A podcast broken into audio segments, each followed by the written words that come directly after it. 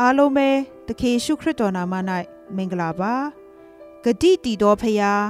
ဆိုတဲ့နှုတ်ကပတ်တော်နဲ့ဆင်ခြင်ခွန်အားယူကြရအောင်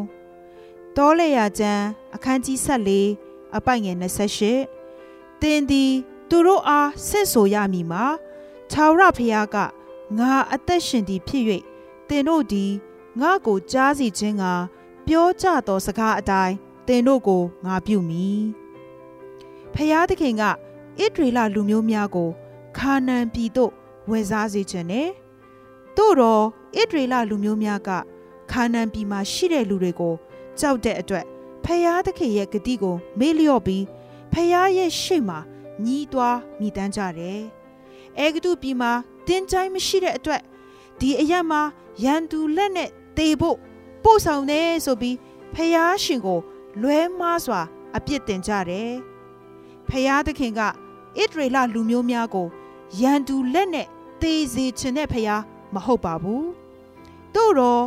ဣဒရေလလူမျိုးများရဲ့နှုတ်ကနေထွက်တဲ့ညီးတွားပြစ်တင်ခြင်းစကားအဖြစ်သူတို့ကိုစီရင်တယ်။ဒါကြောင့်ဒီနေ့လက်တွေ့အသက်တာထဲမှာဆုံးဖြတ်ချက်ချရအောင်။ကျမတို့ရဲ့အသက်တာမှာလည်းနှုတ်ကိုတတိထားရမယ်။ကို၌ဖျားပြုစေလိုသောအရာကို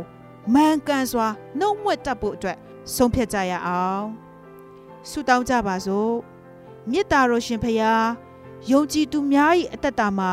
ညီးတွားမြည်တမ်းခြင်းဖြင့်တွာလာတော်သူများမဖြစ်ပါစေနှင့်။ကိုရောရဲ့ဂျေဇုကိုချီးမွမ်းတတ်တော်သူများဖြစ်စေပါ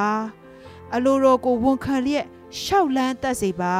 ။ဖျားရှင်ကို အပြစ်တင်တော်သူများမဖြစ်ပါစေနှင့်။ဂျေဇုရှင်အဖဖျား အသက်တာထဲမှာကိုရောရဲ့ဂတိတော်ကို